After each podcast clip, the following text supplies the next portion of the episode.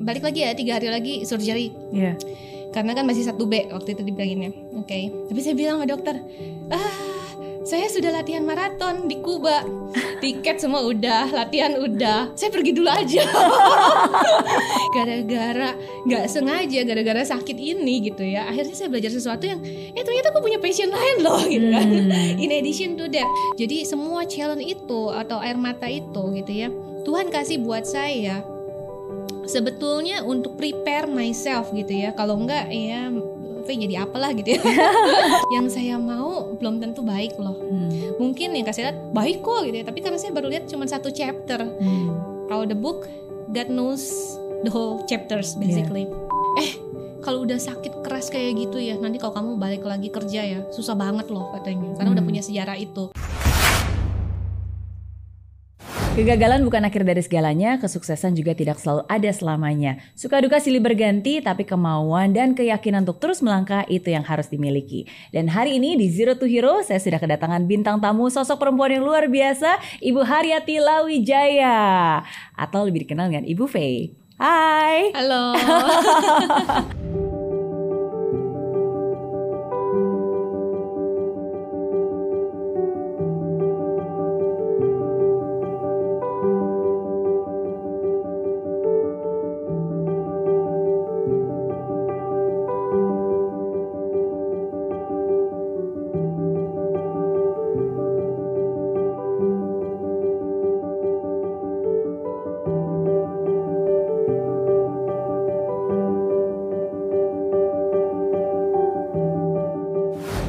much younger than your Wah. age.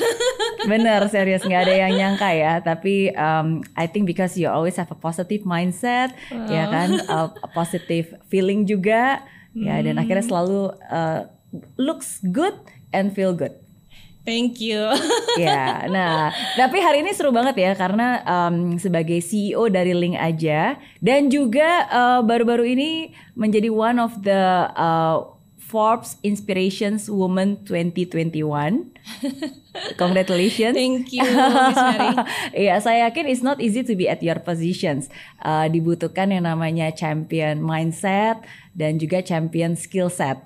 Uh, um, so for you, menurut uh, Bu Fei itu uh, terlahir atau terlatih?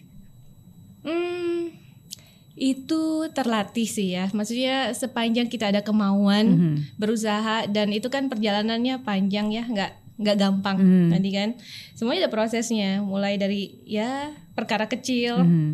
ya diusahakan, kadang-kadang gagal, jalan lagi gitu kan, diusahakan lagi, lama-lama ya tanpa kita sadari, eh ternyata udah berjalan jauh loh gitu Hmm. seperti itu. Jadi kalau ditanya terlahir apa terlatih ya, hmm, terlatih, terlatihnya by apa? The situation, it's not Oke. uh, tentang textbook di buku pelajaran di kelas gitu ya, but uh, the willingness untuk apa ya nyebur gitu ya Hmm. walaupun kadang-kadang pasti sometimes ya kalau aduh besar banget gitu ya hmm, bisa nggak ya meragukan diri sendiri dari fear juga gitu kan but the willingness untuk tetap walaupun ya there is a fear acknowledge the fear and um, ya keep moving forward aja I Okay. think that's uh, kayak apa ya ya melatih diri sendiri untuk Iya. terbiasa dengan yang namanya apa uh, unknown unpredictable things gitu ya dan ya sometimes gagal gitu Mhm.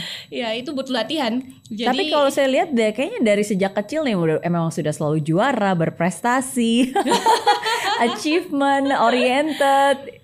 Um, well, uh, depends ya. Maksudnya uh, sukses itu definisinya apa mungkin ya. So perhaps kalau dulu waktu waktu dulu banget gitu ya, saya mikirnya kalau sukses itu, well seperti yang digambarkan oleh society dari sejak kita kecil gitu kan, sukses itu jadi apa? Iya. Selalu ada title-nya kan. Iya. Nggak pernah kan sukses itu bahagia. berarti Oh iya. Oh iya.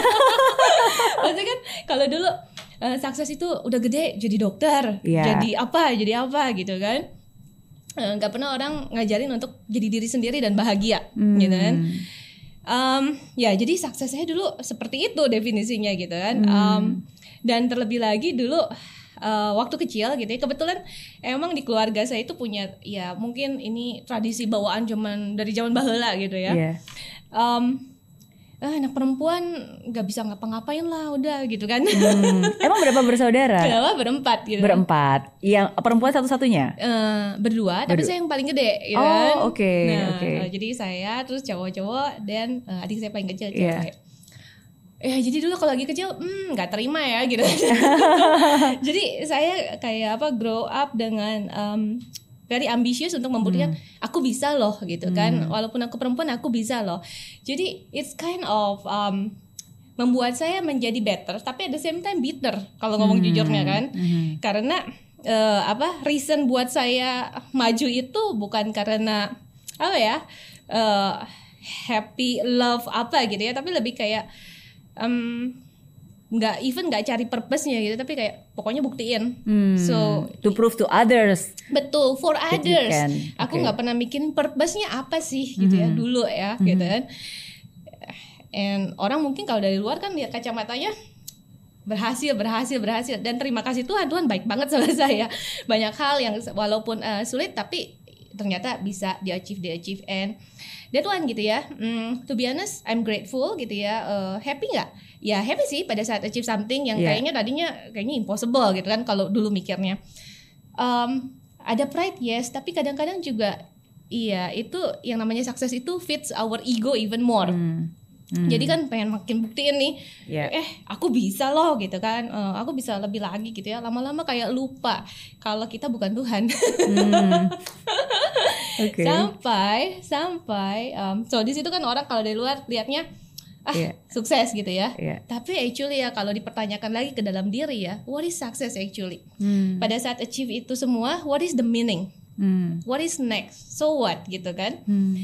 Um, sampai dan saya juga berterima kasih sama Tuhan gitu ya bahwa saya dikasih apa namanya eh, kepercayaan or kesempatan gitu ya melalui suatu pengalaman yang gak akan pernah saya lupa gitu ya which is uh, that with the cancer. Ya, in 2016, 2016. betul Oktober 2016 saya didiagnosa cancer udah stage 4B Kok bisa? Itu yang saya pengen tanyakan? Kan kan maksudnya um, uh, you live a healthy life. Uh, Hmm. Pasti makanan juga dijaga. Olahraga juga kayak termasuk orang yang cukup Saya olahraga, olahraga. iya kan? Iya. Terus kenapa tiba-tiba bisa terdeteksi kan, uh, kanker dan langsung stadium 4? ya very good question Iya. Emang nggak ada nggak ada gejalanya gitu tiba-tiba? Nah itu saya itu saking kalau kalau dulu kan ngomongnya oh perseverance gitu ya, tapi juga mungkin in a way keras kepala. Oke. Jadi kalau ada rasa-rasa sakit apa gitu saya kebiasaan nggak pernah dirasa-rasa ya tetap aja gitu udah kayak- udah kayak Oke. enam kayak apa eh, kebal aja gitu ya Iya. Eh, nggak nggak dirasa lagi. Karena mind over body ya, so we'll tell our Exactly. mind, no it's okay, I'm strong, I'm healthy. Betul. Padahal sebenarnya di dalam udah Betul. udah susah. I didn't listen to myself gitu kan Oke. sebetulnya dan ya itu makanya harus hati-hati juga dengan Hmm. mind gitu kan. Pada saat kita punya eh, eh, strong mind Mhm. Harus ensure juga gitu ya we control our mind not our mind controlling us kan gitu ya. Karena kadang-kadang kalau saya lihat ya lagi the ego itu attach banget sama mind. Hmm. jadi itu yang sekarang pun sampai sekarang saya terus belajar selalu checkpoint gitu kan. Mhm. nah tadi pertanyaannya kok bisa? Yes exactly. Itu juga yang saya tanya Hah, kok bisa? gitu ya. Dan itu pun ketawanya kan nggak sengaja gitu ya. Iya. jadi waktu itu saya pikir kenapa ya? gitu kan. Eh, pertama saya nggak tahu karena kayaknya saya makan eh, baik-baik aja nggak yang aneh-aneh Iya. gitu nggak yang aku juga nggak suka junk food dari dulu gitu ya terus em, olahraga everyday ya olahraga gitu ya saya suka banget gitu ya itu even my kayak apa ya my on ini ya eh, terapi gitu ya kalau stres saya olahraga gitu kan Hmm. Nah, tapi during the process pada saat eh, saya menjalani eh, treatment gitu ya untuk cancer. Hmm. Ketahuannya kapan nih awalnya? Kenapa bisa ketahuan? Kalau lagi sehat kan berarti nggak nggak ketahuan. Nah, gara-garanya saya sakit tipes waktu itu. Jauh banget deh ini, tapi Iya. lagi yang Tuhan baik gitu ya. Kalau dipikir pakai logika kayaknya kejauhan gitu nggak mungkin. Sakit tipes, biasanya kan kalau sakit tipes harus ada cek ke apa namanya eh, cek widal ya, bolak-balik gitu ya. Udah balik belum ininya gitu kan. Nah waktu itu saya cek biasa masih bawa kerjaan laptop ke rumah sakit nungguin gitu ya. Hmm, lama banget nih nungguin kan dua jam gitu ya buat hasil tes darah. Hari itu semua tempat duduknya penuh. Mhm. Cuman ada di depan eh, Opjin. Hmm. Terus saya eh, udah masih cek-cek email dan segala macam karena belum eh, fully recovered. em, agak pusing gitu ya saya tutup terus ngapain ya gitu ya ngapain saya di rumah sakit lama buang-buang waktu gitu ya terus akhirnya saya eh ada option ya aku cek aja jadi it's impulsive Wow. dan karena tempat duduk satu-satunya di depannya dia pas lihat eh ya kalau dia kosong kenapa enggak aku cek aja ya Sekalian gitu Sekalian ya. daripada Oke. bengong di rumah Emang sakit. productive mindset itu tuh harus produktif. What can I do to maximize this hour? saking produktifnya Iya. Singkat cerita ya udah ternyata kosong masuk gitu ya dia bilang ah ada eh, polip gitu ya. Eh, tapi karena polipnya besar nanti kamu kalau udah udah udah udah sembuh gitu ya kamu balik lagi ya gitu ya untuk apa eh, surgery karena nggak bisa diambil gitu aja karena gede. Oke singkat cerita selesai tuh eh, apa ta- eh, tipesnya gitu ya balik udah dibius total semua terus waktu bangun-bangun dokternya bilang nggak jadi diambil. Karena kayaknya bukan bukan polip jadi pendarahan hebat katanya waktu mau diambil. Oke. mereka cuma ambil buat biopsi. Terus besoknya disuruh balik lagi. Saya udah mikir eh, kalau biopsinya langsung besok ya something bad. Karena biasanya tiga hari gitu kan. Iya. ya udah dan besoknya kasih tahu dan emang mengagetkan sih gitu ya. Dan even waktu pertama kali kasih tahu itu eh, kebetulan ya waktu itu bilangnya masih satu B Hmm. di sini dan again ini saya nggak apa ya berhenti berhentinya bersyukur karena nggak bisa di iniin pakai logika ya waktu itu dibilang ya udah balik lagi ya tiga hari lagi surgery Iya. karena kan masih satu B waktu itu dibilanginnya. Oke. Tapi saya bilang sama dokter, ah saya sudah latihan maraton di Kuba, tiket semua udah, latihan udah, saya pergi dulu aja. karena waktu itu saya mikir kalau saya nggak pergi, um. My mental akan down karena as Yeah. if because of the illness it stop my work, something Yeah. yang aku suka. It I your love it. life, ya kan? Yes, gitu Hmm. kan. Mendingan aku pergi dulu deh. Kalau nanti di sana ya nggak sanggup ya udah nggak usah dikelarin larinya so what gitu kan. Hmm. Tapi at least I try. Aku pergi. So uh, it means that this illness nggak akan stop my work gitu Hmm. kan. Ya udah pergilah. Untungnya gara-gara pergi itu ya kan pesawatnya lama tuh 33 jam ya. Iya. Terus uh, di jalan pulang uh, jadi saya lari sana selesai pulang Maratonnya kelar? kelar dong. Wow. Amazing. Terus tapi itu yang bikin aku kan jadi tetap feel apa ya? Feel alive gitu Iya. ya. Kalau enggak kan kayak ya udah gara-gara sakit terus saya udah langsung hilang dunia saya. Betul. Gitu kan. Terus waktu jalan lama saya mikir, hmm, kenapa aku nggak pergi second opinion ya? Iya. Gara-gara itu. Jadi it's literally the marathon save my my life actually. Hmm. Terus udah gitu aku second opinion dan dibilang, eh ini udah 4 B. Jadi dari Iya. rahim itu udah kena apa liver, bladder, sama intestine. Wow. Jadi ya udah nggak boleh dioperasi. So kalau waktu itu saya langsung operasi aja mungkin hari ini saya nggak Ya. ketemu Miss Mary. Iya. Iya. mungkin nggak ketemu ngobrol di sini ya. Jadi um, nah during the treatment last time gitu saya waktu itu treatmentnya di China dan kebetulan itu rumah sakit eh, cancer. Jadi ya semua orang di sana kan yang sakit cancer. Iya. Berarti begitu dapat second opinion, second opinion itu berarti dari rumah sakit mana? Di Singapura waktu di itu Singapura. kebetulan, Oke, itu iya. berarti langsung perobatan ke China. Ya itu gara-garanya juga adalah waktu dibilang ya udah saya tanya masih belagu dulu bilang oke treatmentnya apa gitu kan terus uh, I think I can uh, handle the pain gitu ya masih belagu walaupun udah baca hmm painful oke lah Uh, Oke. kayaknya saya cukup cukup oke dengan pain gitu ya Iya. Uh, jadi saya bilang sama dokternya, uh, I'm okay with the, with the pain gitu ya, tapi aku butuh tahu uh, impactnya jangka panjang. Hmm. Because ya, ya for some people hidup itu kan mungkin ya tentang berapa lama. Buat saya bukan berapa lamanya, tapi the quality. Uh, It means like um, saya mis- masih bisa tetap uh, belajar, bertumbuh dan berkontribusi Hmm. Buat saya ngapain lama gitu ya tapi kayak orang-orangan sawah gitu ya nggak mau mendingan ya singkat singkat cerita dokter jelasin terus saya mikir hah gak ada hidup lagi men gitu kan Iya. Berapa lama prediksi dokter pada saat itu? Maksudnya untuk cancer stadium 4B? 4B waktu itu ya kalau dari statistik katanya 15 sampai 18 persen aja masih ada tahun depan Wow. itu itu waktu itu seperti itu ya Em, terus saya bilang ya udah deh udah dengerin impactnya kayaknya enggak deh thank you gitu kan saya mau tinggal sehari atau sebulan mendingan um, it's okay better gitu ya Eh, saya masih bisa live my life to the fullest daripada panjang tapi terus jadi apa orang-orangan tadi gitu ya Iya, iya. And you don't feel depressed ketika dokternya bilang eh, maksudnya chances hidup kamu hanya 15 sampai 18 persen gitu untuk satu tahun ke depan gitu. Hmm. yang saya pikirin nomor satu adalah eh, gimana ya ngomongnya sama my family Oh. karena kan ayah saya udah nggak ada Jadi basically since uh, apa namanya uh, sejak itu kan uh, saya basically kalau ada apa-apa my family akan find me gitu kan. Yeah. So itu satu. Yang kedua, ah harus ngapain ya supaya nggak sia-sia. Wow. Mungkin tadi saking produktifnya. wow. Itu masih kayak gitu ya. Jadi saya lagi tuh nggak sempat mikir kalau mati gimana. Tapi oke, okay, selama aku masih dikasih nafas, aku mau ngapain aja, hmm. gitu kan. Dan tadi uh, maksudnya gimana ngomongnya ya, gitu ya. Uh, how about them? Masih mikirnya begitu dulu. Hmm. Nah after itu karena dikasih tahu, um, ya kayaknya nggak ada live gitu ya uh, apa kalau setelah semua treatment itu akhirnya saya balik ke Jakarta saya bilang oh, enggak deh terima kasih terus dokternya mikir kan wah ini orang mau give up kali ya terus saya hmm. bilang enggak enggak saya bilang walaupun satu persen uh, dokter bilang chance saya uh, I'm fine karena satu persen artinya masih ada chance gitu yeah. kan yeah. tapi saya bilang saya nggak mau hidup kayak orang-orangan gitu kan hmm. I want to live my life to the fullest even it's hmm. just one day gitu kan ya udah pulang di pesawat ya karena dalam hidup saya karir saya itu biasanya di bidang apa namanya di bidang teknologi gitu ya dia selalu mikir ini penyakit kan udah puluhan tahun masa nggak ada inovasi sih? Akhirnya selalu ada solusi untuk setiap problem gitu kan. Masa nggak ada inovasi gitu, udah puluhan tahun gitu ya. Masa uh -huh. sih uh, kita apa namanya tuh orang-orang nggak ada yang hmm. punya apa inovasi. Hmm.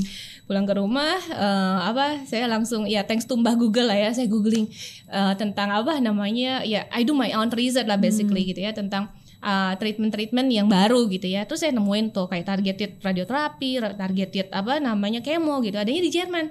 Ya, saya tanya teman saya yang di Jerman. Terus dia kasih tahu saya uh, ada V tapi rumah sakit umum. Hmm. Oh, Oke, okay. saya juga mikir saya sih very open to uh, try new innovation but hmm. I don't want jadi apa kelinci percobaan yeah. juga gitu jadi guinea pig jadi saya cari rumah sakit yang uh, emang apa uh, spesialis di cancer so hmm. kan katanya orang bisa karena biasa yeah. gitu ya googling lagi lah dapatlah itu di China hmm. gitu kan akhirnya saya pergi aja sendiri ke sana gitu kan uh, waktu itu semua orang bilang lu gila gitu kan yakin gitu kan karena kan punya konotasinya yeah. udah iya. macam-macam ya kalau ke China gitu saya bilang hmm, ya at least ya that time yang satu satu hal yang saya belajar juga gitu ya dan terima kasih juga saya pada saat itu mempercayai diri saya sendiri bahwa yang gak ada yang benar gak ada yang salah sih sebenarnya. Hmm. tentang itu tentang kita beliefnya apa. Hmm. because kalau kita belief jalaninnya lebih lebih enak yeah, gitu kan. betul. kayak sugesti kali ya kalau orang ngomong. Yeah. ya udah saya pergi aja gitu kan.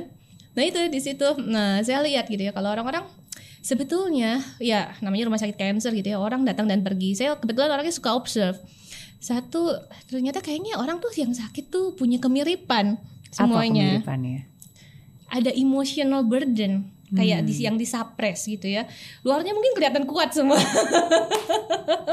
padahal di dalam udah berdarah-darah kali yeah. ya dan memilih untuk nam apa namanya itu uh, mematikan, mematikan rasa, rasa gitu kan mm -hmm. sampai nggak tahu lagi gitu kan Nah, itu satu yang saya lihat. Yang kedua, eh ternyata kebanyakan orang-orang yang quote unquote ya kalah dalam battlenya, it's not because of the illnessnya duluan, tapi karena dia udah lose the hope duluan. Hmm. gitu ya jadi as if dia nutup semua pintu udah hmm. for example ya waktu itu yang saya ketemu ada yang sakitnya stage 2 ada yang stage 1 tapi dia udah merasa bahwa that's the end of her word atau uh, his word gitu ya dan dia udah nggak mau makan nggak mau ngapa-ngapain gitu ya. I mean like orang sehat aja kalau nggak makan kan yeah. gimana gitu ya. Apalagi kita yang waktu itu dihajar sama obat-obatan kemo apa ya which is the cell mati gone gitu ya. Saya pertama kali kemo ya nggak nyampe tiga hari lah habis semua rambut gundul gitu so um, ya akhirnya di situ saya realize oh kayak gitu ya gitu ya. Dan saya waktu itu berjanji sama diri sendiri Iya, uh, saya nggak mau kehilangan hope dan hopefully hmm. saya juga bisa membantu orang supaya jangan pernah kehilangan hope gitu ya. Hmm. The challenge is there gitu ya. And it's not about win atau lose sih sebetulnya gitu kalau saya perhatikan lagi ya. Bahwa banyak hal dalam hidup itu bisa datang kepada kita tanpa kita duga. Yeah. Yeah. can be good, can be hmm, oke. Okay. challenge, challenge ya. Challenge gitu ya. Uh -huh. Tapi sebetulnya semuanya adalah berkat loh gitu ya. Kalau hmm saya bisa embrace itu menerima itu uh, dengan rela gitu ya. Yeah. dan lebih fokus pada uh, the proses di mana saya memberikan yang terbaik yang bisa saya lakukan. Karena artinya apa? Saya belajar. Hmm. dan ternyata semua yang terjadi dalam hidup saya itu Tuhan baik karena ada hal yang harus saya belajar dari situ. Dan hal-hal yang saya pelajari itu yang membuat saya bisa menjadi diri saya yang sebenar-benarnya Hmm. dengan versi yang lebih baik gitu kan. Karena saya realize oh karena lagi kecil itu udah banyak doktrinnya bukan doktrin lah ya tapi uh, the society itu kan standarnya adalah oh, jadi ini baru berhasil gitu Iya, kan iya. Ada standarnya ya, ada, standarnya. ukurannya. Iya. Mhm. Jadi secara apa ya sadar nggak sadar gitu ya, we try to be somebody else Hmm. tanpa pernah melihat sebetulnya eh saya ini ada di dunia ini tujuannya apa ya gitu ya and there must be a strength and weakness with me gitu kan yang emang uh, align dengan purpose itu dan untuk saya bisa deliver that purpose gitu ya eh ya saya dalam perjalanan harus bisa jadi best version of myself. Bukan jadi KW harus jadi V yang ori gitu kan? Iya, iya. tapi lebih baik versinya. Dan untuk ke sana gitu ya itu ditempanya ya lewat semua kejadian yang kalau yang enak mah ya enak gitu kan?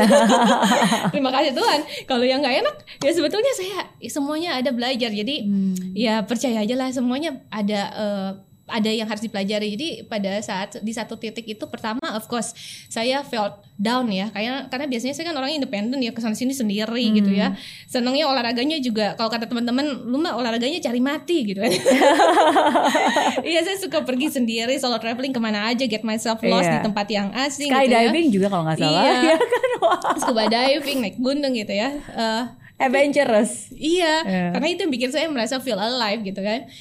Cuman pada saat abis kemo tuh tahap pertama, mau balikin badan aja nggak bisa gitu ya.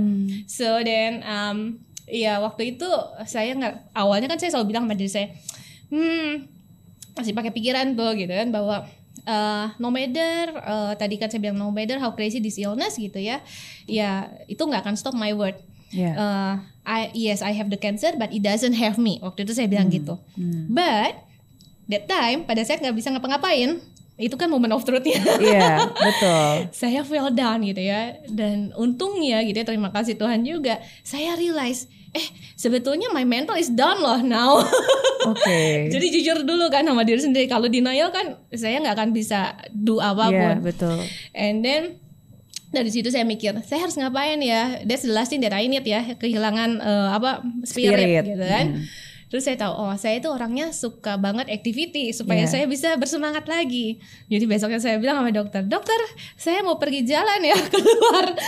Waktu itu musim dingin di China ya Desember. Ini right after the chemo. right after the chemo, Oke. ya kan? Next day-nya kan susah nggak bisa Iya, nggak bisa gerak, pastilah, ya karena kan semua mental down. Semalaman nggak bisa tidur mikirin karena sakitnya iya, karena it's very painful ya the whole body gitu ya sampai ke tulang-tulang. Eh, Nggak bisa tidur karena sakit iya, tapi mikirnya juga iya. Iya. Aduh, gimana nih mentalnya udah down gitu, oh oh gitu kan red alert. Terus eh, saya mikir ya udah saya eh, mau apa namanya charge my spirit dengan berolahraga ceritanya. Let's see bisa apa gitu kan. Dokternya next next day datang. Eh, saya bilang, dokter saya mau jalan keluar. Hah? Gak boleh lah. Karena kan eh, immune sistemnya udah gone lah. Iya, Nol kalau abis betul. apa abis kemo. Dan dia bilang kamu weak gini dan di luar dingin banget waktu itu Desember ya musim dingin. Terus ya udah dokter keluar saya mikir lagi, hmm enggak deh. Dokternya nggak tahu saya. Masih sotoy saya.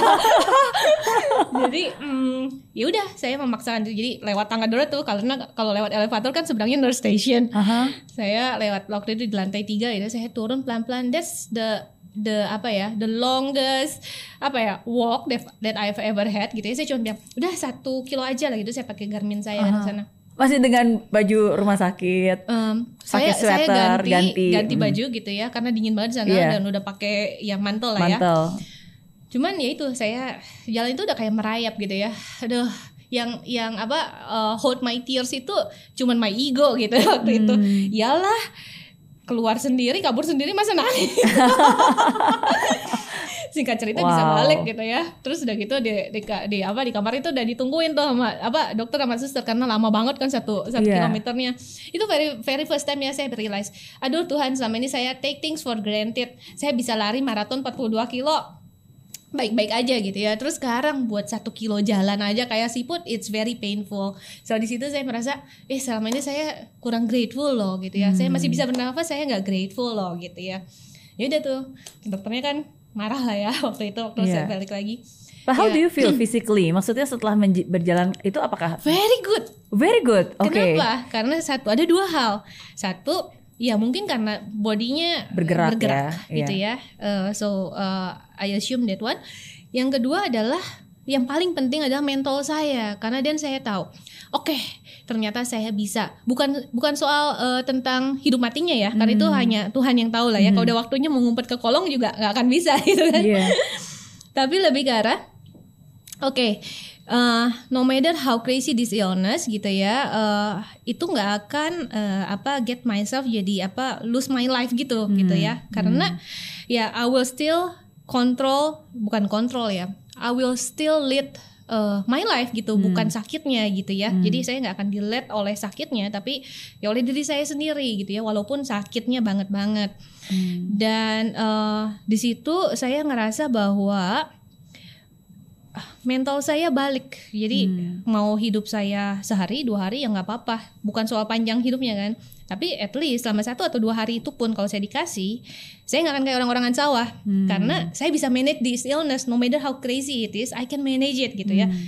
Kedengarannya belagu gitu ya. Tapi at that time that's the feel yang aku rasain karena iya sakit, iya susah, tapi I can manage it loh ternyata. So udah santai aja, relax. Dalam artian sehari dua hari nggak penting, yang penting sehari dua hari ini, kalaupun cuma sehari gitu ya, what can I do gitu kan? Iya. Untuk apa namanya?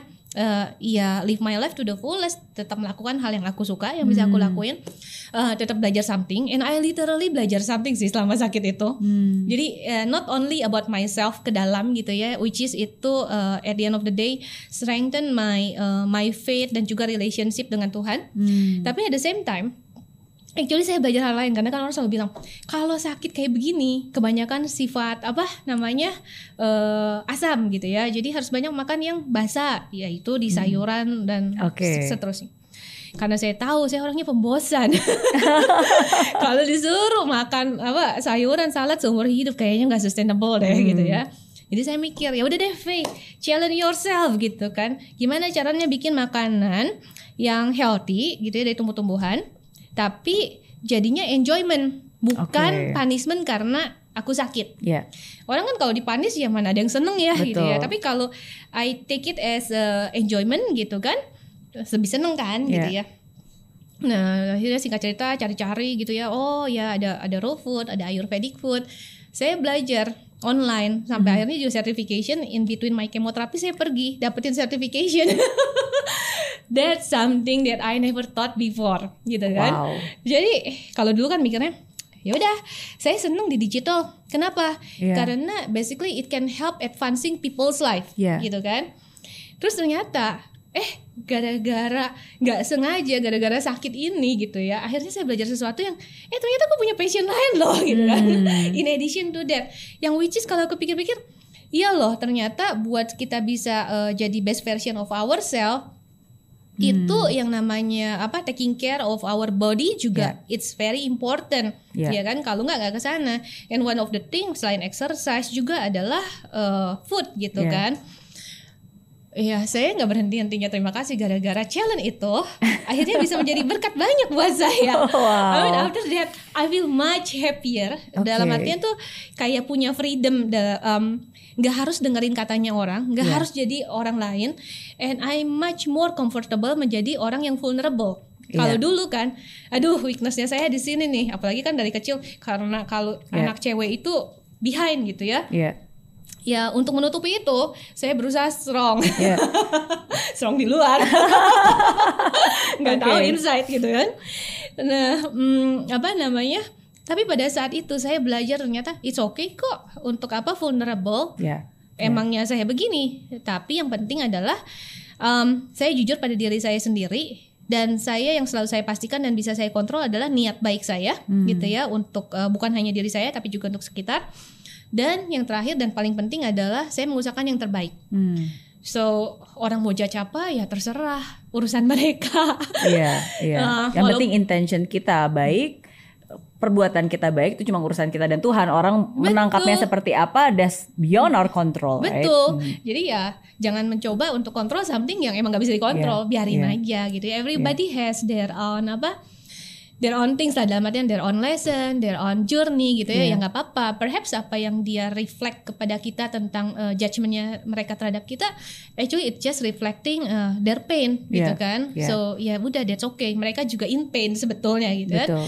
So why I have to be apa ya eh, ya tersinggung dan take it deep gitu ya ya udah let go aja. Awalnya susah.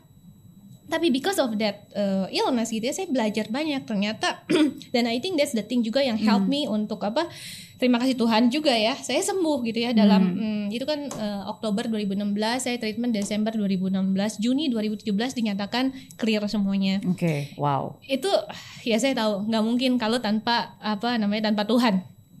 Dan satu hal eh, kalau orang tanya caranya gimana kalau saya pikir-pikir lagi actually ya it's about happy menjadi diri sendiri. Hmm. F- eh, freedom gitu ya bahwa saya bisa menjadi diri saya sendiri. Walaupun saya nggak perfect ya nggak apa-apa. Hmm. saya banyak salah ya emang iya gitu kan. Tapi I learn and I want to uh, fix it and I try to fix it Accepting gitu kan. yourself, knowing yourself, embracing yourself. Betul, and start Oke. loving myself. And loving Dalam artian, yourself. ya forgive myself gitu Iya. ya. Kadang-kadang orang suka bilang susah ya forgive orang, tapi ternyata lebih susah forgive diri sendiri.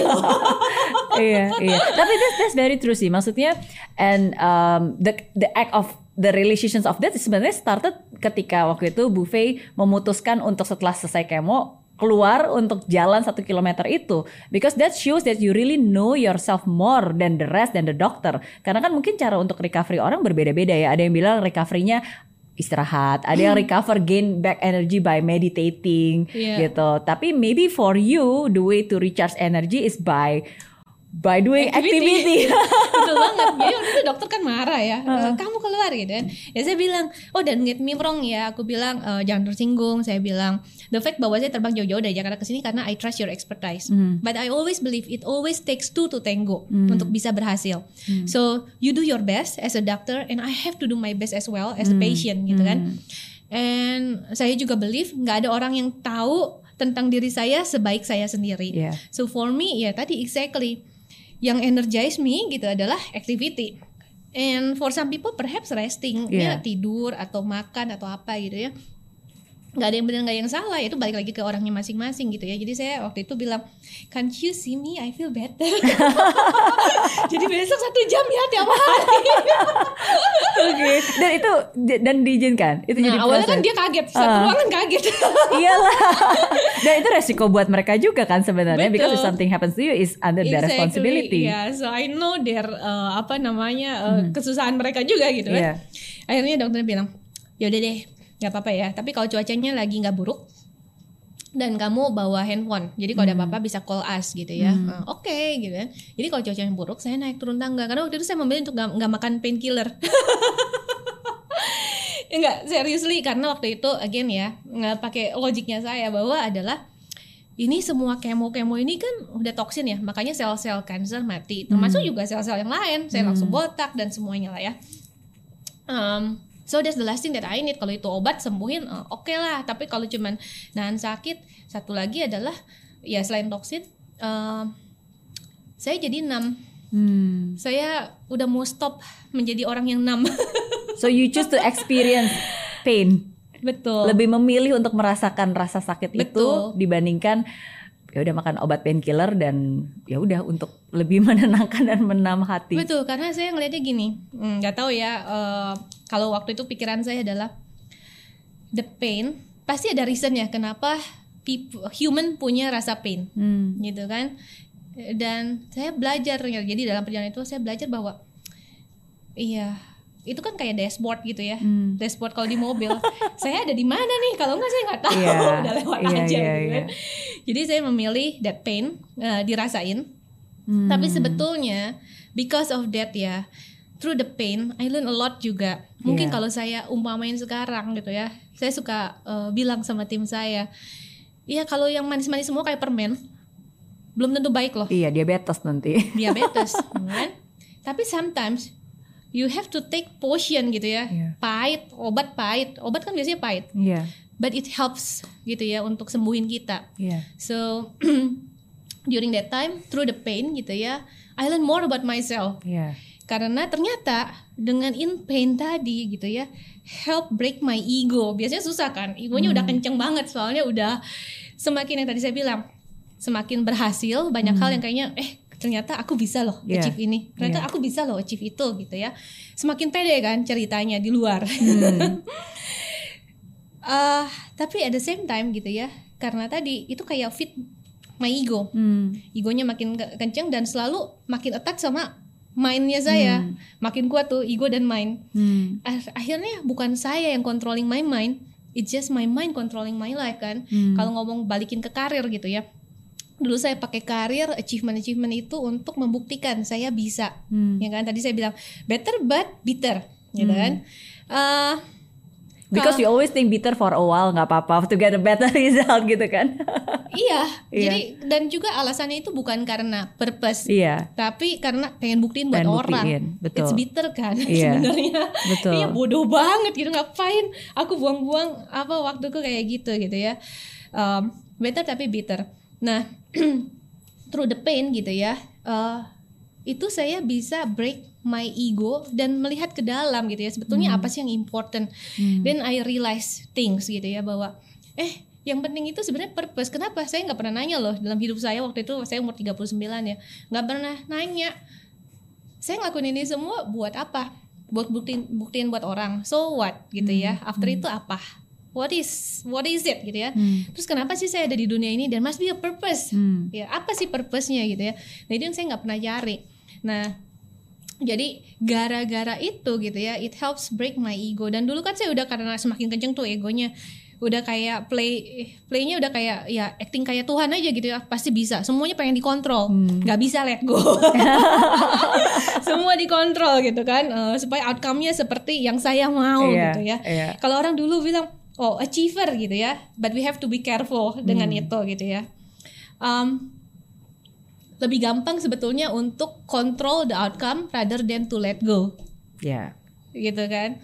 Tapi sebetulnya pada saya juga belajar pada saat bisa let go iya well kadang-kadang jalannya itu nggak sesuai dengan yang kita mau. But ternyata resultnya itu kadang-kadang bukan kadang-kadang ya lebih baik dari yang kita pikirin loh jadi it's kind of paradox ya. Iya, pada saat iya. kita try to apa Iya. genggam kencang gitu ya. Uh, pain inside and uh, capek. Hmm. so nggak sustainable. Break. Tapi pada saat kita yang penting kita do our best dengan niat baik kita gitu ya. Tapi kita lepasin ya udah ikutin aja. Jadi lebih kayak apa ya? Uh, Hmm. collaborate dengan situation apa pun itu gitu. Adapt ya tadi ya. Hmm. ya collaborate adapt dengan uh, situasinya ya let go aja kalau harus ke sana tapi yang penting selama dibawa ke sana I do my best Ya. dengan niat baik saya gitu ternyata itu lebih ringan Hmm. dan hasilnya biasanya lebih oke tuh. Jadi saya, waduh ternyata ya through all those Iya. pain gitu ya, I learn so much and I can't thank enough gitu ya for those lesson gitu ya. What did you let go pada saat itu? Udah pasti nomor satu ego, ego dalam artian gini. Pertama pasti ya, hmm, ini kak- jadi saya, saya confession. pasti ada ada pernah pengalaman-pengalaman pribadi dari masa kecil hingga saat itu yang menyakitkan Iya. ya kan? It's about orang suka bilang ya udah dimaafin aja. Dan sering kali saya bilang iya kok udah saya maafin. Tapi ternyata oh the ego is very smart ya gitu ya. Uh, walaupun saya bilang begitu dan ngerasanya kayaknya aku udah nggak apa-apa kok gitu ya but somehow itu masih ada loh. Ya the ego is very uh, pinter gitu ya. Karena kan kalau saya bilang seolah-olah kalau saya mengakui saya masih uh, marah gitu ya it's like as if I'm weak. Hmm. jadi my ego cover it seolah-olah saya kuat. Jadi I'm fine kok nggak apa-apa gitu ya. Tapi ternyata nggak di dalamnya. So that point gitu ya egonya ke bawah saya bisa mengakui bahwa saya oh masih ada ini satu dua tiga dan- dan let go dan actually through that process ya saya belajar bahwa ternyata orang-orang yang saya pikir tadinya um, apa trigger that pain gitu ya actually they are the biggest angel in my life karena terus semua semua itu saya Yeah. belajar lebih banyak loh tentang diri saya sendiri. Jadi sebetulnya kayaknya semua kejadian yang terjadi sama saya, orang-orang yang saya ketemu sama saya emang udah meant to be. It's Yeah. like apa ya? Mirroring diri saya sendiri tentang apa yang saya harus belajar. Hmm. Jadi ya kalau saya hari ini ketemu apa, ya udah nggak apa-apa. Saya berpikir apa ya yang Tuhan mau saya belajar di sini supaya saya jadi lebih baik lagi gitu ya. Jadi eh, itu tuh kayaknya caranya untuk apa ya? eh ya bisa lebih damai, gitu ya. Damai. Walaupun kayaknya lagi huru Iya, hara. iya, iya, iya. Iya. But but but it's amazing to to hear your story karena um, um, again for me personally the word vulnerability itu menjadi highlight sih karena I also learn so much about vulnerability and courage especially uh, the past six months during this pandemic ya karena uh, of course maybe sebagai career woman maksudnya we do a lot of achievement gitu we we we we feel that Iya, kita harus bisa lebih mengkontrol banyak hal gitu kan. Iya, tapi sometimes the true courage is by being vulnerable and it really hits me. In the first place karena kita harus berpikir gimana mungkin kita bisa berani kalau kita rapuh gitu kan. Tapi by being vulnerable, by being rapuh saya ya ya udah ya kayak gini gitu. Actually that's that's that's the true courage because even though we are vulnerable walaupun kita rapuh tapi kita tetap masih berani berdiri menghadapi the unknown. And that's the real strength and actually. that's the real strength Yeah. gitu and I can I can totally relate Uh, walaupun mungkin I, I I don't think I can say that I know exactly how you feel because only you know that you feel nggak ada satu orang pun yang bisa merasakan apa yang what you've gone through. But I think yeah it really hits me a lot sih sometimes being vulnerable. Uh, ya kita bisa mendapatkan hal yang lebih banyak dan lebih baik mungkin daripada semuanya sesuai dengan yang kita inginkan dan kita harapkan ya. Bener banget. Dan sebenarnya orang suka bilang gitu ya tentang confidence gitu ya. Iya. Makanya orang berusaha untuk jadi perfect gitu ya. And actually kalau aku lihat-lihat lagi because I've been there gitu ya. Confidence itu it's not about being perfect. I try like berapa 39 tahun berusaha jadi perfect gitu ya. But actually it kill me gitu kan. It gets Slowly. bitter. Mungkin itu yang membuat kita sakit kali ya tubuh kita sometimes Exactly. we don't know our body reacts to ya the kind of feeling yang ada di Betul, dalam that kan. bitterness kan Iya. sebetulnya jadi racun yang kill us slowly, Iya. gitu kan. iya. Nah, ternyata confident itu bukan tentang jadi perfect loh. Hmm. Confident itu ternyata tentang uh, embracing our vulnerable dengan segala its messy glory-nya. Hmm. Iya. Jadi ya kalau uh, saya udah ya emang saya begini, saya nggak selalu benar kok, nggak selalu tahu semua Hmm. hal kok, ya kan? And to me, that's okay. Yang penting tadi buat saya dan saya selalu bilang juga sama teman-teman saya gitu ya eh, di apa kolik-kolik saya di office. Yang penting itu satu niat baik, Iya. gitu kan, bukan untuk kepentingan pribadi tapi semuanya gitu kan. Kedua, I do my best gitu kan. Jadi ya kalau dibilang eh, kamu masih kurang begini-begini, ya that's fine gitu ya. Emang saya manusia biasa and I'm here to learn untuk jadi lebih baik gitu kan. And by being jadi lebih baik, harusnya saya juga bisa contribute lebih baik gitu ya. Eh, dan saya udah kapok gitu ya dulu 39 tahun menjadi V yang KW gitu ya. Saya mau jadi yang ori aja. But with a better With a version. better version, with a better version. Okay, Gitu. I have this picture for you. Tada! Ah, wow. Dari mana? Oh, dari buku itu ya. Dari uh, I I get this uh, my team got this from your Instagram. Ah, oke, Iya, oke. tell me more. Ini kapan? Okay, so this is a birthday in the hospital di China, ya kan?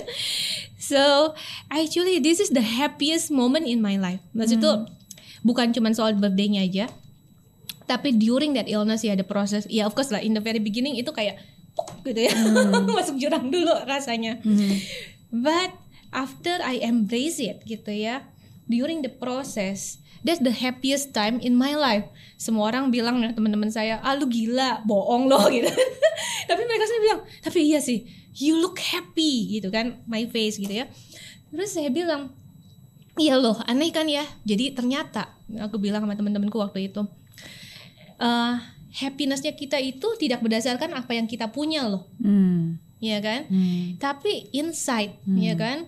Seberapa jauh kita bisa menerima diri kita sendiri, Hmm. seberapa jauh kita bisa menerima semua keadaan Hmm. dan bersyukur. itu aja jadi pada saat saya bisa ya udah ternyata V itu bukan V yang kuat bisa segalanya I'm just human being ya Tuhan maaf gitu kan saya harus ditoyor sampai kenceng dulu sampein baru Iya. bisa uh, menyadari itu semua Uh, yang kedua adalah ya tadi uh, menerima uh, diri sendiri keadaan terutama diri sendiri sih gitu ya dengan segala weaknessnya gitu ya. Kemudian itu bersyukur gitu ya bersyukur uh, dalam artian yang tadi saya sempat bilang di depan bahwa eh ternyata semua yang terjadi dalam hidup saya baik yang itu datangnya tentunya dengan tawa ataupun dengan air mata sebenarnya adalah berkat buat saya karena ada something yang harus saya pelajari di situ.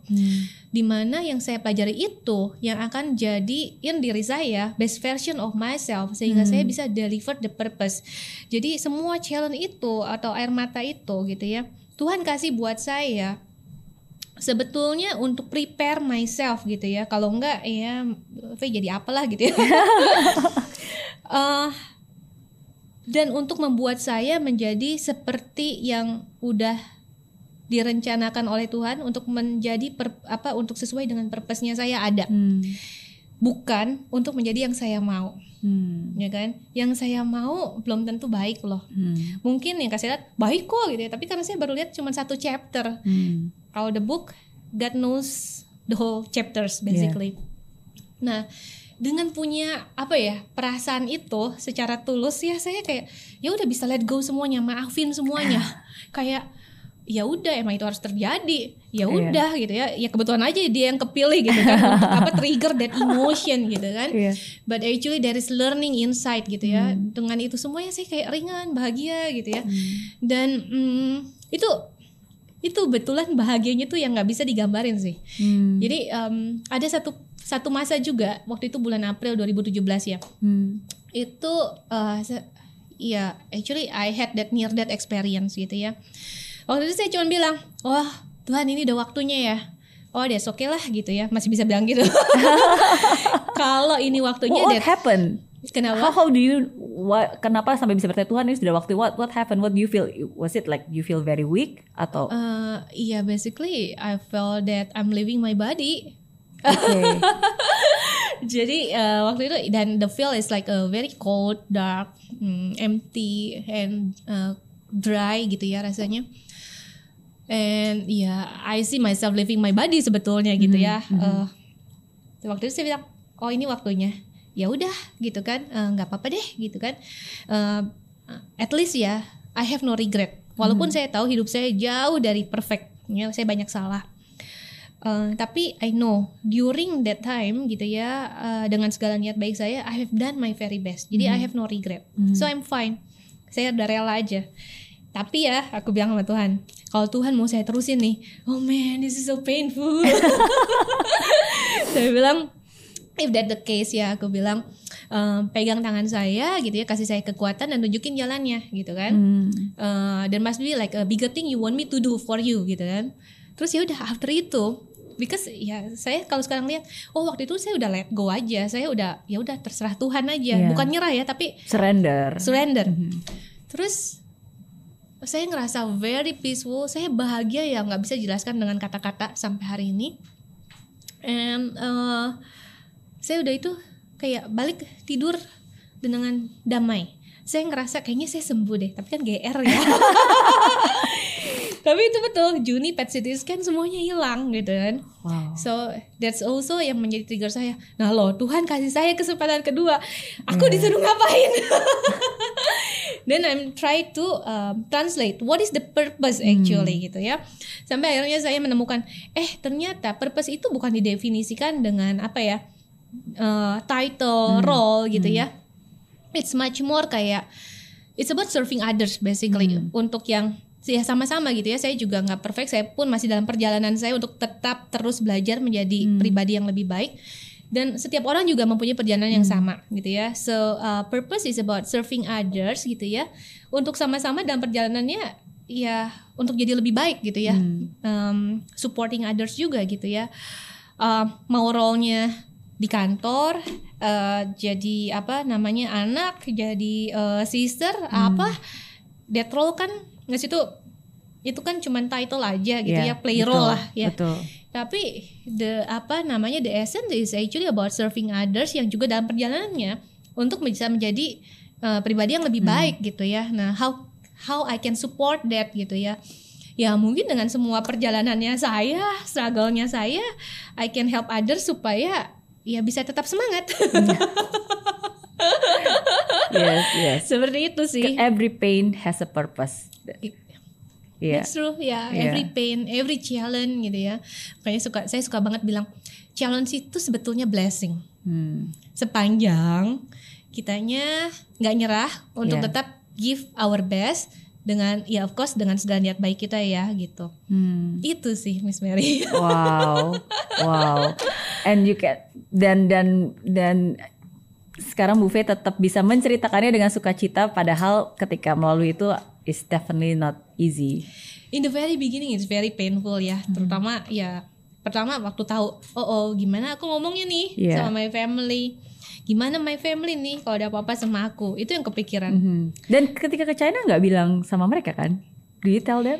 akhirnya bilang Oke. tapi itu pun saya bilangnya hmm oke karena kan nanti pasti mereka ada nyariin saya nih ya saya Iya. cuma bilang hmm aku mau pergi ke Cina berobat berobat apa nanti mereka lihat aku gundul juga pasti tahu ya jadi aku bilang ya udah waktu itu ngomongnya ceritanya santai nggak ada apa-apa um, eh, cancer Hah?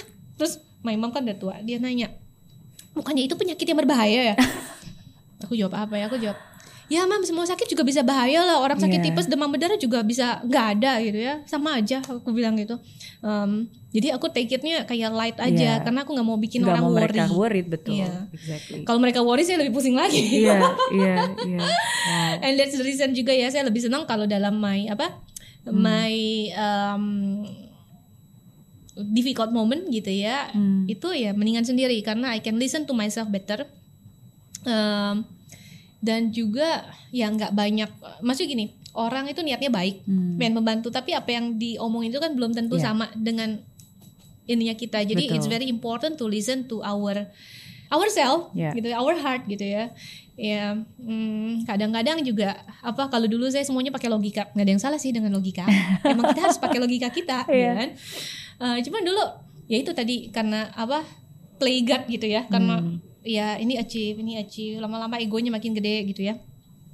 Um, Menggunakan kekuatan dan kepintaran kita. betul betul. Mengandalkan itu aja walaupun bilang kalau dulu ya oh ya I do my best sisanya terserah Tuhan tapi kalau diumpamain nih kayak saya pegang dua tangan saya di meja ini satu saya cuma satu tangan yang saya lepasin Iya. nggak dua-duanya Eh, di situ saya belajar waktu sakit itu ternyata eh orang mau mati mau sakit itu nggak bisa saya kontrol loh Hmm.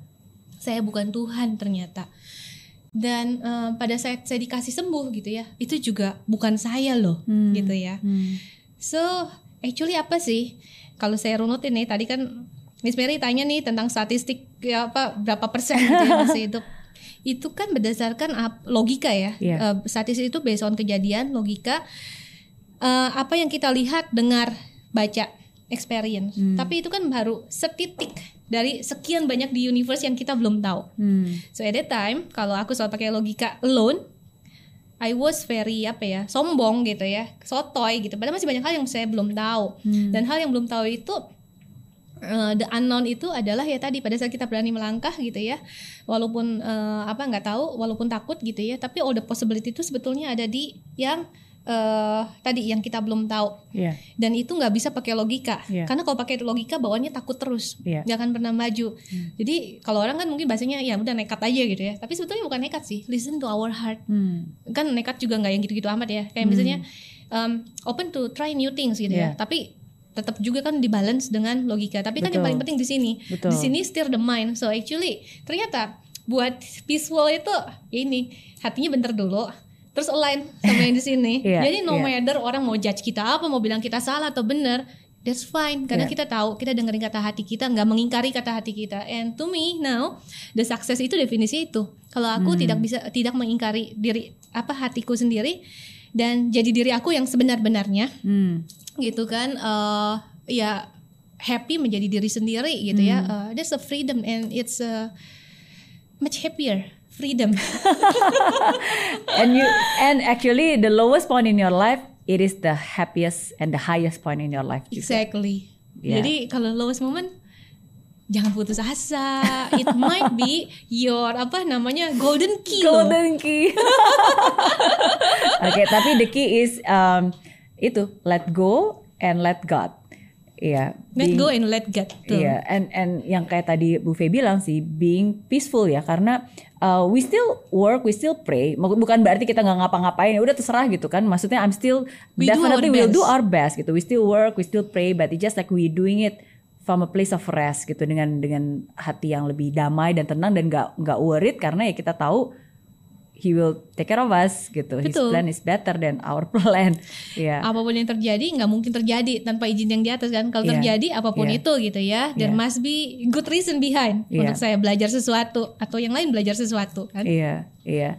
And this is your reborn karena um, dinyatakan clear just a few days before your birthday. Betul. Pokoknya saya bilang 7 Juni 2017. betul. Nah, Jadi saya ngerasa wah ini Tuhan kasih saya nih apa uh, second chance, second life. I I must uh, maksudnya to be honest ya, buat saya jadi kayak hidup saya sekarang I have nothing to lose loh. Dalam artian gini, Tuhan udah kasih saya second chance nih. Artinya di second chance it's about bukan tentang diri saya, tapi ya tadi hmm, apa impact yang saya bisa kasih buat orang lain dan impact itu nggak selalu mikir yang kayak wow gede-gede gitu ya ya hal-hal kecil aja yang sehari-hari gitu ya for example kalau kita apa ya eh, kita sendiri nggak damai gitu ya kan bawaannya juga misalnya marah-marah gitu ya iya, iya. sekitaran kan ikut dapat auranya Iya, tuh iya. terus udah gitu mereka sama sekitarannya lagi marah-marah lagi kan. It's, it's a change of a negative reaction. Correct gitu ya. Iya Tapi kan? Kalau saya dan caranya itu bukan eh, untuk apa serving others itu bukan mikirin orang lain dulu. Hmm. Tapi I have to ensure myself itu full. Hmm. That's why saya harus embrace myself, love myself gitu dulu, charge dulu penuh, baru saya bisa memberi Hmm. tanpa ngerasa drying gitu ya. Maksud tuh mm, kan eh, atau draining gitu ya. Karena kadang-kadang kan orang dulu saya kayak gitu. Saya sendiri masih kosong, tapi saya pengen memberi. Iya.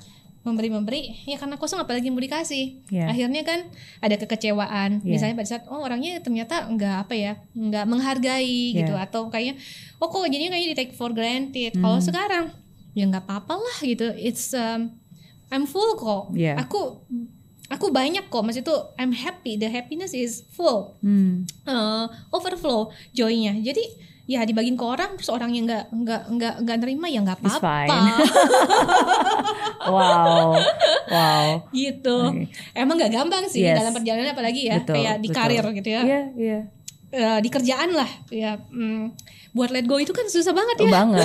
Apalagi in in professional work, ya again, uh, uh, ya banyak banget gitu kan yang kayak ngebalance-nya gimana gitu ya. Kayaknya ngomongnya gampang gitu. Kalau lagi sakit ya it's just me and myself gitu Iya, ya. Sekarang profesional tapi that's actually the real test. Hmm. udah ngalamin udah belajar oke Faye now you know gitu kan. Sekarang gimana ngebalance ya di profesional? So ya again gitu ya ternyata ngebalance itu tadi key-nya itu kita harus full dulu dengan diri sendiri. Jadi pada saat eh, itu full dulu dengan diri sendiri dan semua start dari dalam gitu ya. Pada saat eh, hati bukan emosi ya tapi hati gitu ya. Hati kita clear tujuan kita baik gitu ya. Apa yang kita putuskan di sini juga eh, clear gitu ya. Dan pasti nggak mungkin kita bikin semua orang happy kan. Pasti ada orang yang nggak happy. Hmm. And that's fine, that's okay karena kita tahu dalam hati kita kita ngelakuin ini bukan untuk jahatin orang, bukan karena benci, but because actually it's an act of love gitu ya karena aku care, karena aku sayang gitu ya, nggak mau jadi begini gitu ya. So dengan segala yang aku tahu, I do my best. Hmm. I might be wrong gitu ya, and that's okay kalau orang mau kasih input gitu Yeah. ya, I can fix that gitu kan. Hmm, jadinya jalaninnya lebih tenang. Iya, iya. Karena kita nggak melakukan sesuatu berdasarkan wah nanti judgementnya mereka seperti apa, Betul. ntar oh kok seperti ini Freedom dan seterusnya tadi. that, that kind of freedom gitu. Iya. Iya. freedom Wow. yang dibalance dengan ya hati kita hati Iya. kita tujuannya apa itu dan ini yang selalu saya bilang juga sama teman-teman uh, di office gitu ya yang nomor nggak usah takut salah number number one adalah cek dulu hati kita Ya. why we do this Hmm. gitu kan kalau udah cek rechecknya bener nih bukan untuk diri saya pribadi Hmm. untuk kebaikan orang bukan karena saya sebel sama orang bukan karena saya benci atau apa ya walaupun itu a very tough decision ya we push through gitu Hmm. kan Uh, but we know deep down reasonnya kenapa gitu Hmm. ya so we can uh, take responsibility dan accountability jelasin kalau someday ditanyain orang gitu ya Ya. secara profesional dan juga terutama moral bukan hanya profesional Yeah. ya why we do that gitu kan Eh, dan karena itu ya tenang aja gitu Yeah.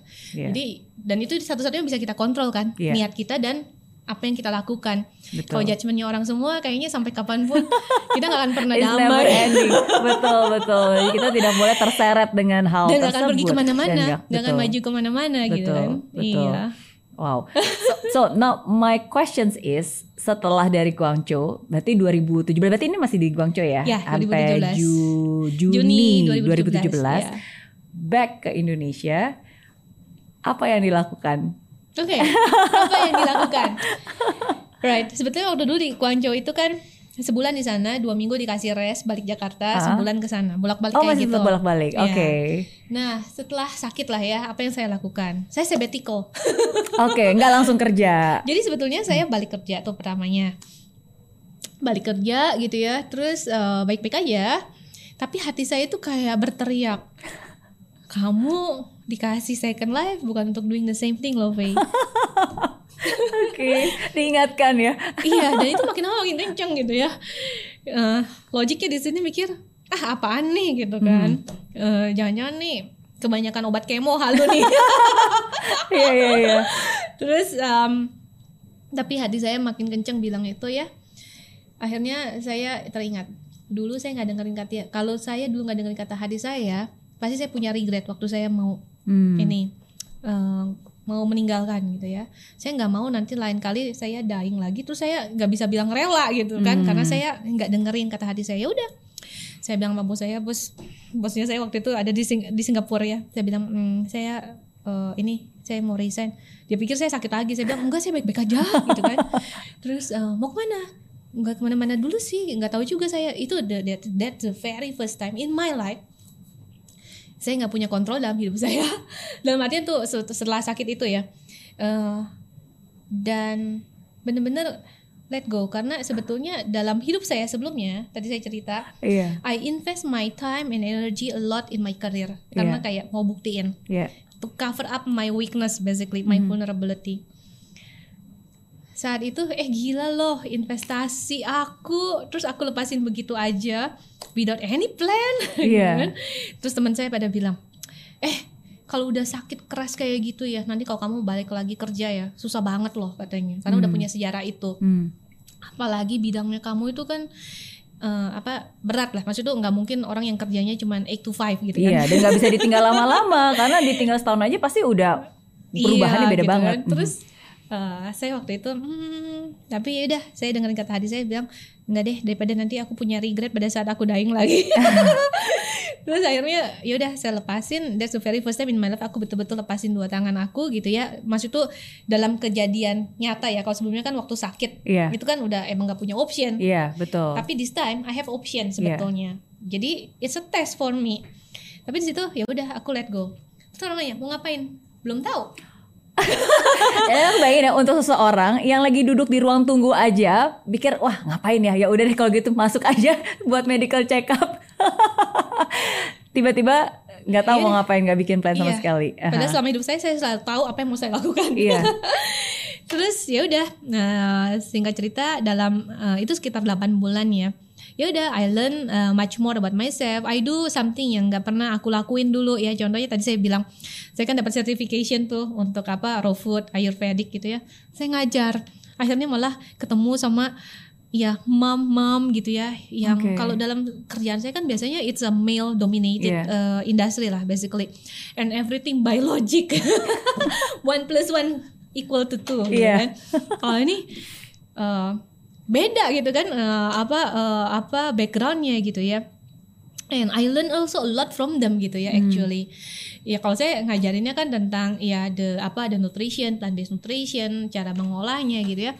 Tapi at the same time during that interaction I learn a lot as well dari mereka gitu ya tentang eh ternyata ya gitu um, uh, quote unquote nih dis um, apa ya uh, nggak selalu yang namanya maskulin itu ya maksudnya dunia cowok yang kelihatan kuat Hmm. basically uh, apa namanya tuh A profile lah Iya, ya kan iya. alpha profile Alpha gitu ya profile. itu always the best gitu ya atau the success gitu ya ternyata the female energy gitu ya perempuan-perempuan ini sebetulnya it's very nurturing. Hmm. itu yang kalau saya lihat ya kalau kita ngomongin between material and spiritual gitu ya. Jadi jauh nih ngomongnya. Enggak kalau orang tuh ya sekarang karena dunianya udah dilihat bukan dunianya ya tapi the society. Iya. selalu melihat bahwa berhasil itu adalah jadi A B C D E. Mau nggak mau dari kecil sampai gede ukuran suksesnya itu aja Iya. gitu ya mau nggak mau itu mendorong orang untuk jadi alpha Iya. harus gitu tapi ternyata this alpha nggak akan sustainable loh Hmm. kalau nggak ada yang nurturing Hmm. and that nurturing sebetulnya ya kalau saya lihat di office atau di industri gitu ya itu yang kurang Hmm. nurturing ternyata I learn a lot from all this mom Hmm. oh kayak gitu ya terus saya baru realize eh di sini di sini sih ya hajar deal bisnis deng deng deng gitu ya. Tapi ya actually kalau the team or the ecosystem itu enggak apa ya enggak win-win enggak happy nurture enggak enggak ada yang nurturing gitu ya. Hmm. ini enggak akan enggak akan jauh loh. Iya. karena kebanyakan kan kalau sekarang lihat apalagi di era digital.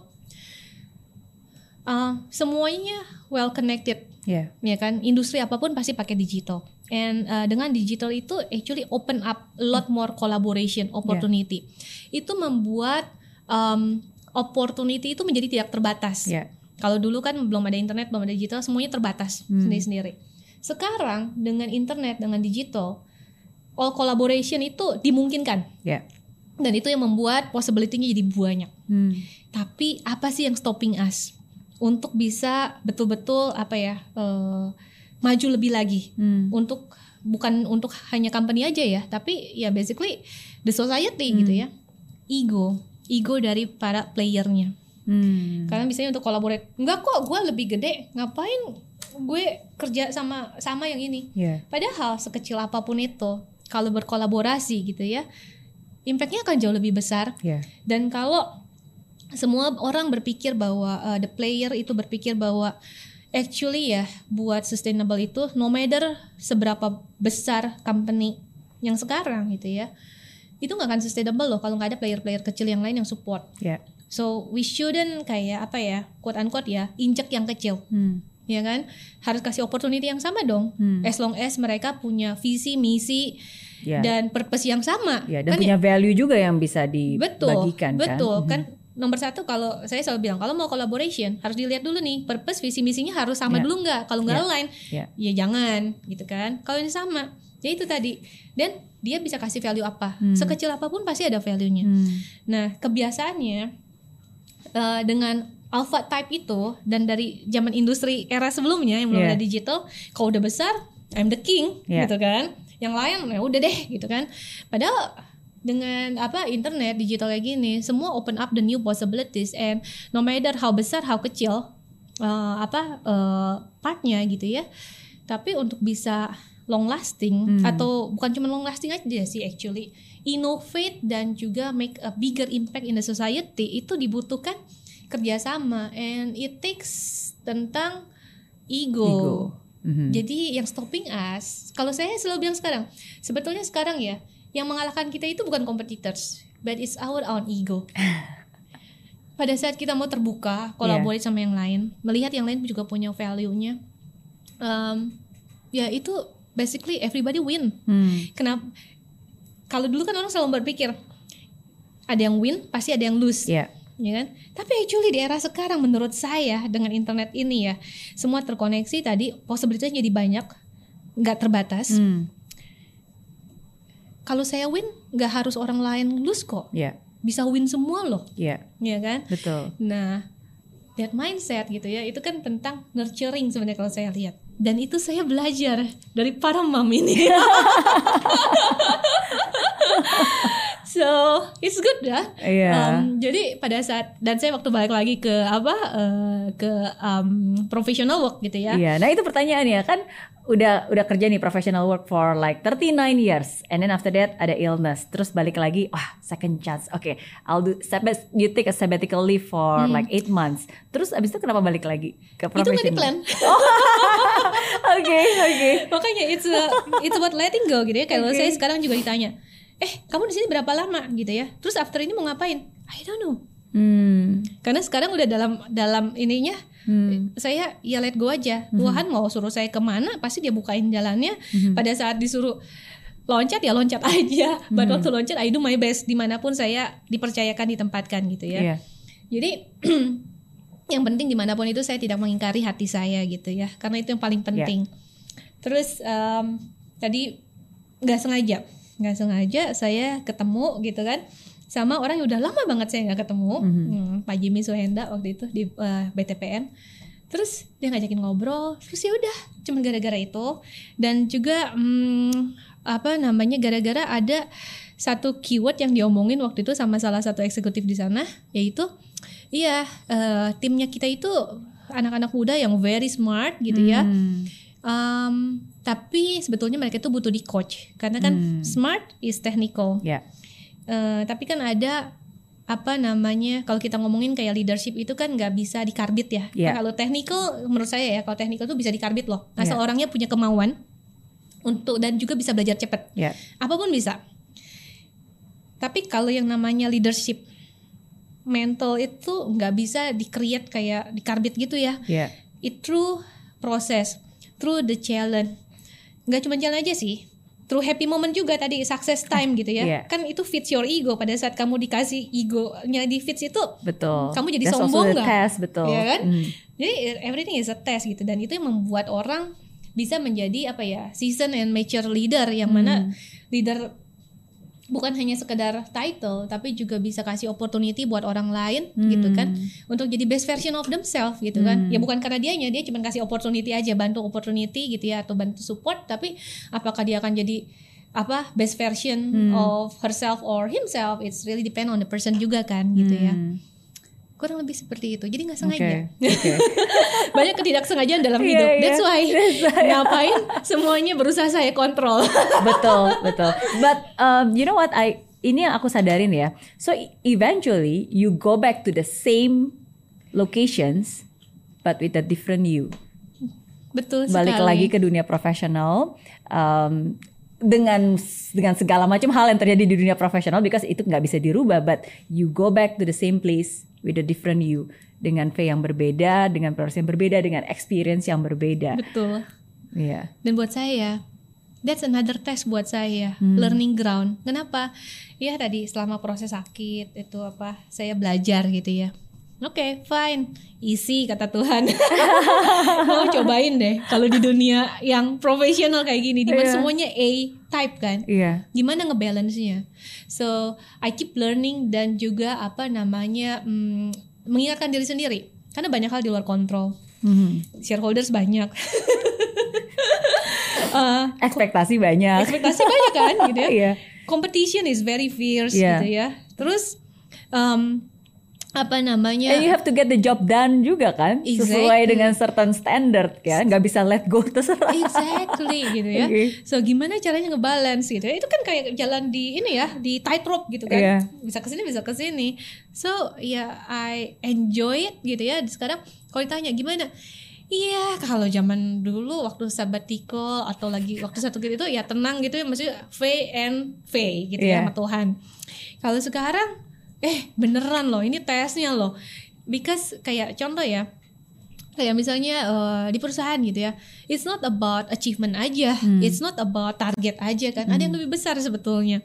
Moral obligation. Hmm. ini employee banyak nih ya. It's not only about the employee-nya aja loh tapi termasuk keluarganya. Ya. kalau ada apa-apa the whole family impacted gitu ya. And ya it can um, apa namanya uh, impact people dalam artian sebesar yang mungkin nggak pernah bisa kita pikirin gitu ya so I have to be careful juga gitu kan nah tadi between eh, untuk bisa tetap apa ya saya bilangnya tetap eh, menjadi diri sendiri that's the challenge actually tetap menjadi diri sendiri di lingkungan, di situasi yang semuanya A. Mhm. Menuntut bahwa A itu adalah sukses. Yeah. So with the definition of uh, success yang saya punya sekarang dengan definition sukses yang ada di sekitar, bagaimana membalance itu gitu kan dan bisa help bring out the best in others juga gitu ya. Hmm. It's not easy, but I'm in. Dalam artian Tuhan kasih saya nyemplung di sini ya. Iya. Ya artinya ada yang saya harus belajar, ada yang saya harus contribute. Sampai ya waktunya Tuhan kasih saya di tempat lain lagi gitu kan, yang dipercayakan entahlah ngapain. Jadi kalau ditanya mau ngapain, hmm, nggak tahu.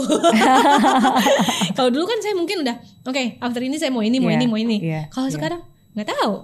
Saya nggak mikirin itu, tapi yang saya pikirin adalah I do my best di dalam current role yang Tuhan percayain, and dengan semua niat baik saya, gitu Hmm. aja. Okay. And that's already enough That's for enough. for today. wow, wow. Tapi ada satu hal yang baik yang akhirnya muncul. Apa Tada! tuh? Wah, Ini cuma gambar covernya depannya ya. waduh nanti saya kirimin deh. Masterpiece in the making. Ya, Masterpiece in the making. Oke. Eh, kapan tahun berapa bikin buku ini? jadi saya nulisnya 2010, terus saya publish eh eh kok 2010. Saya nulisnya itu di eh iya 2010 kok 2010 sih? 2020. 2020 gitu kan. Terus eh, apa? Enggak enggak 2020 saya jadi jadi jadi ingat tahun- tahunnya. Oke. Waktu saya 2019 berarti 2019 saya publish ini di Google Playbook. Ya 2018 deh. Oke, oke. Setahunan soalnya nulisnya. Setahunan. Oke. Wow. Oke, but it's it's amazing. Uh, it's amazing how near life death experience really change you. Bukan sebenarnya bukan change you sih, tapi you Wake eventually know, yeah, Wake me up, wake you up, basically. dan you Hmm. find eventually will know the best version of yourself gitu. Bener-bener mendiscover something part of you yang sebenarnya mungkin udah ada di situ cuma nggak sadar aja. Tercover oleh semua ego saya. Pengen membuktikan. but, but I don't think it's just you, it's everyone. Especially ya karena kan kita berada di dalam race ini otomatis itu sudah terbentuk ya. Dan sometimes again our ego is very smart. They know how to actually make us feel good. They can fit our emotion, they can fit their own, our own ego gitu. Jadi ya sometimes kita harus lebih pintar daripada ego kita Betul. Supaya nggak dikendalikan. supaya oleh nggak ego kita. dikendalikan oleh ego kita.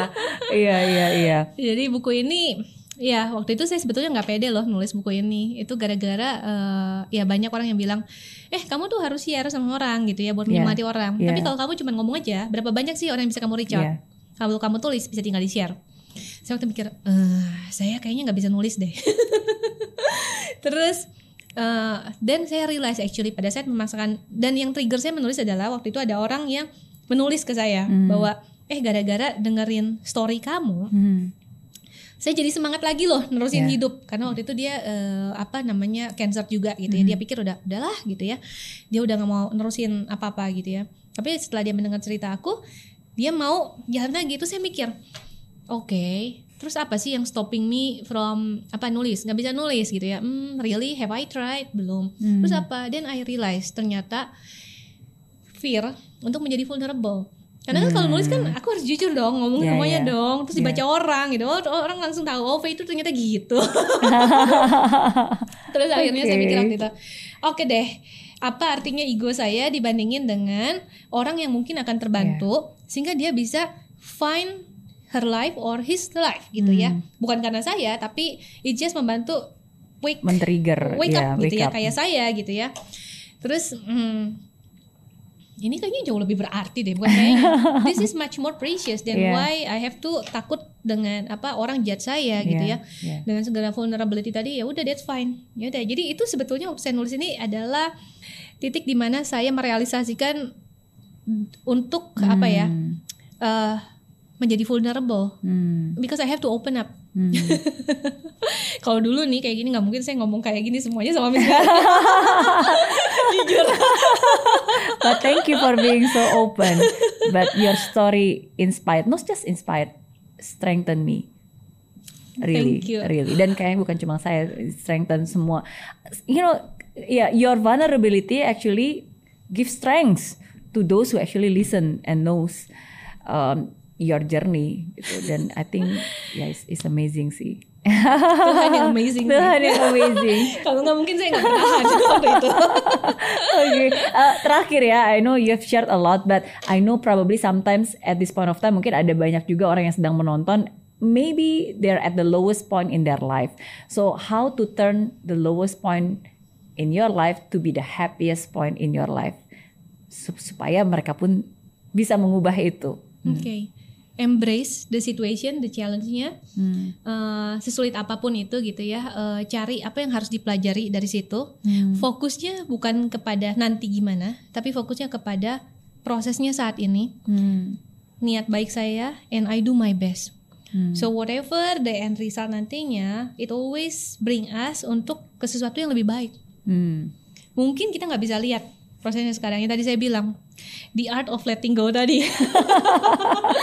Pada saat kita berserah, tapi bukan artinya menyerah ya. Iya. Tetap do our best dengan niat baik kita. Hasilnya nanti di luar kontrol saya, but as long as I have done my very best, I have given my very best, itu akan membuat apa ya? Membuat saya naik kelas sebetulnya gitu ya. Jadi diri saya yang lebih baik. Hmm. Eh, mungkin sekarang saya akan susah ngelihatnya gitu ya Iya. tapi one day pada saat saya look back I can see that. And yes I did gitu I do gitu kan. Eh, melihat itu. Jadi em, jangan menyerah kalau dalam kesulitan apa pun. Eh, sebetulnya challenge tantangan itu adalah blessing. Hmm. Eh, sepanjang kita tidak menyerah untuk tetap memberikan yang terbaik. Hmm. itu berkat loh. Itu yang mem- saya selalu bilang ini ya satu hal lagi kalau boleh ngomong. Hmm. my my breakdowns actually Tuhan allow me break to have breakdown so I can have breakthrough. Hmm. Karena these breakdowns actually breakdowns my ego, my behavior yang gak serving my purpose gitu ya. With this this breakdowns actually Tuhan membawa saya ke jalan di mana seharusnya saya menjadi saya yang seharusnya dengan purpose saya, bukan menjadi yang saya mau yang belum tentu sesuai dengan purpose-nya. Hmm. Jadi that's my mantra untuk diri saya sendiri untuk letting go pada saat saya susah. Karena I'm just human being sampai sekarang pun ya masih banyak lah hal-hal macam-macam gitu ya. But again pada saat di masa yang tersulit dan kelihatannya seolah-olah gak ada jalan, Yeah. saya selalu mikir, saya emang apa sih yang saya attach to? Apa sih yang saya pegangin? Hmm. pada saat mempelajari itu sebenarnya dan baru kayak bisa rilis. Iya saya megangin apa sih? Terus why it's so important for me gitu kan? Yeah. my Yeah. freedom is much more important dalam artian freedom untuk bisa jadi diri sendiri gitu ya. Hmm. ya udah let go aja. Ya udah jadi dia tenang. Hmm. jadi tenang tuh dalam artian let go nya ya udah nggak apa-apa. Do my best. Eh, di dalam prosesnya nantinya gimana ya terserah. Kadang nggak ada satupun yang terjadi bisa terjadi tanpa seizin yang di atas. Kalau kejadiannya begitu artinya that's the best thing. Ya udah percaya aja Hmm. and I've been through a lot of things gitu ya. Masa sampai sekarang nggak percaya. Gitu. Jadi yang tadi saya bilang ya challenge are blessing. And God allow us to have breakdown so that we can have breakthrough. Breakdownsnya ini sebetulnya kalau saya lihat breakdowns our ego yang Yeah. udah nggak serve our behavior yang nggak serving our purpose. Hmm. itu aja. Thank you so much. Thank you and I thank God for giving you second life, second chance to live again. Karena kalau nggak eh, nggak mungkin kita bisa dikuatkan dengan pengalaman your amazing journey. Dan eh, saya yakin banget pasti banyak banget yang terberkati dengan acara ini yang sudah menonton dan juga mendengarkan pengalamannya Buffet. Dan seperti saya bilang, every story, setiap eh, cerita pasti punya pembelajaran berharga. Ya, dan saya yakin cerita hari ini bisa membawa pelajaran berharga buat Anda semua. So thank you so much sekali lagi sudah thank berbagi. you so much sudah Salam, diberi kesempatan berbagi salam buat teman-teman di link aja. will do disampaikan terima kasih banyak Sama-sama, oke. Dan no matter what happens, fight till the end and never give up. Thank you, God bless. Bye.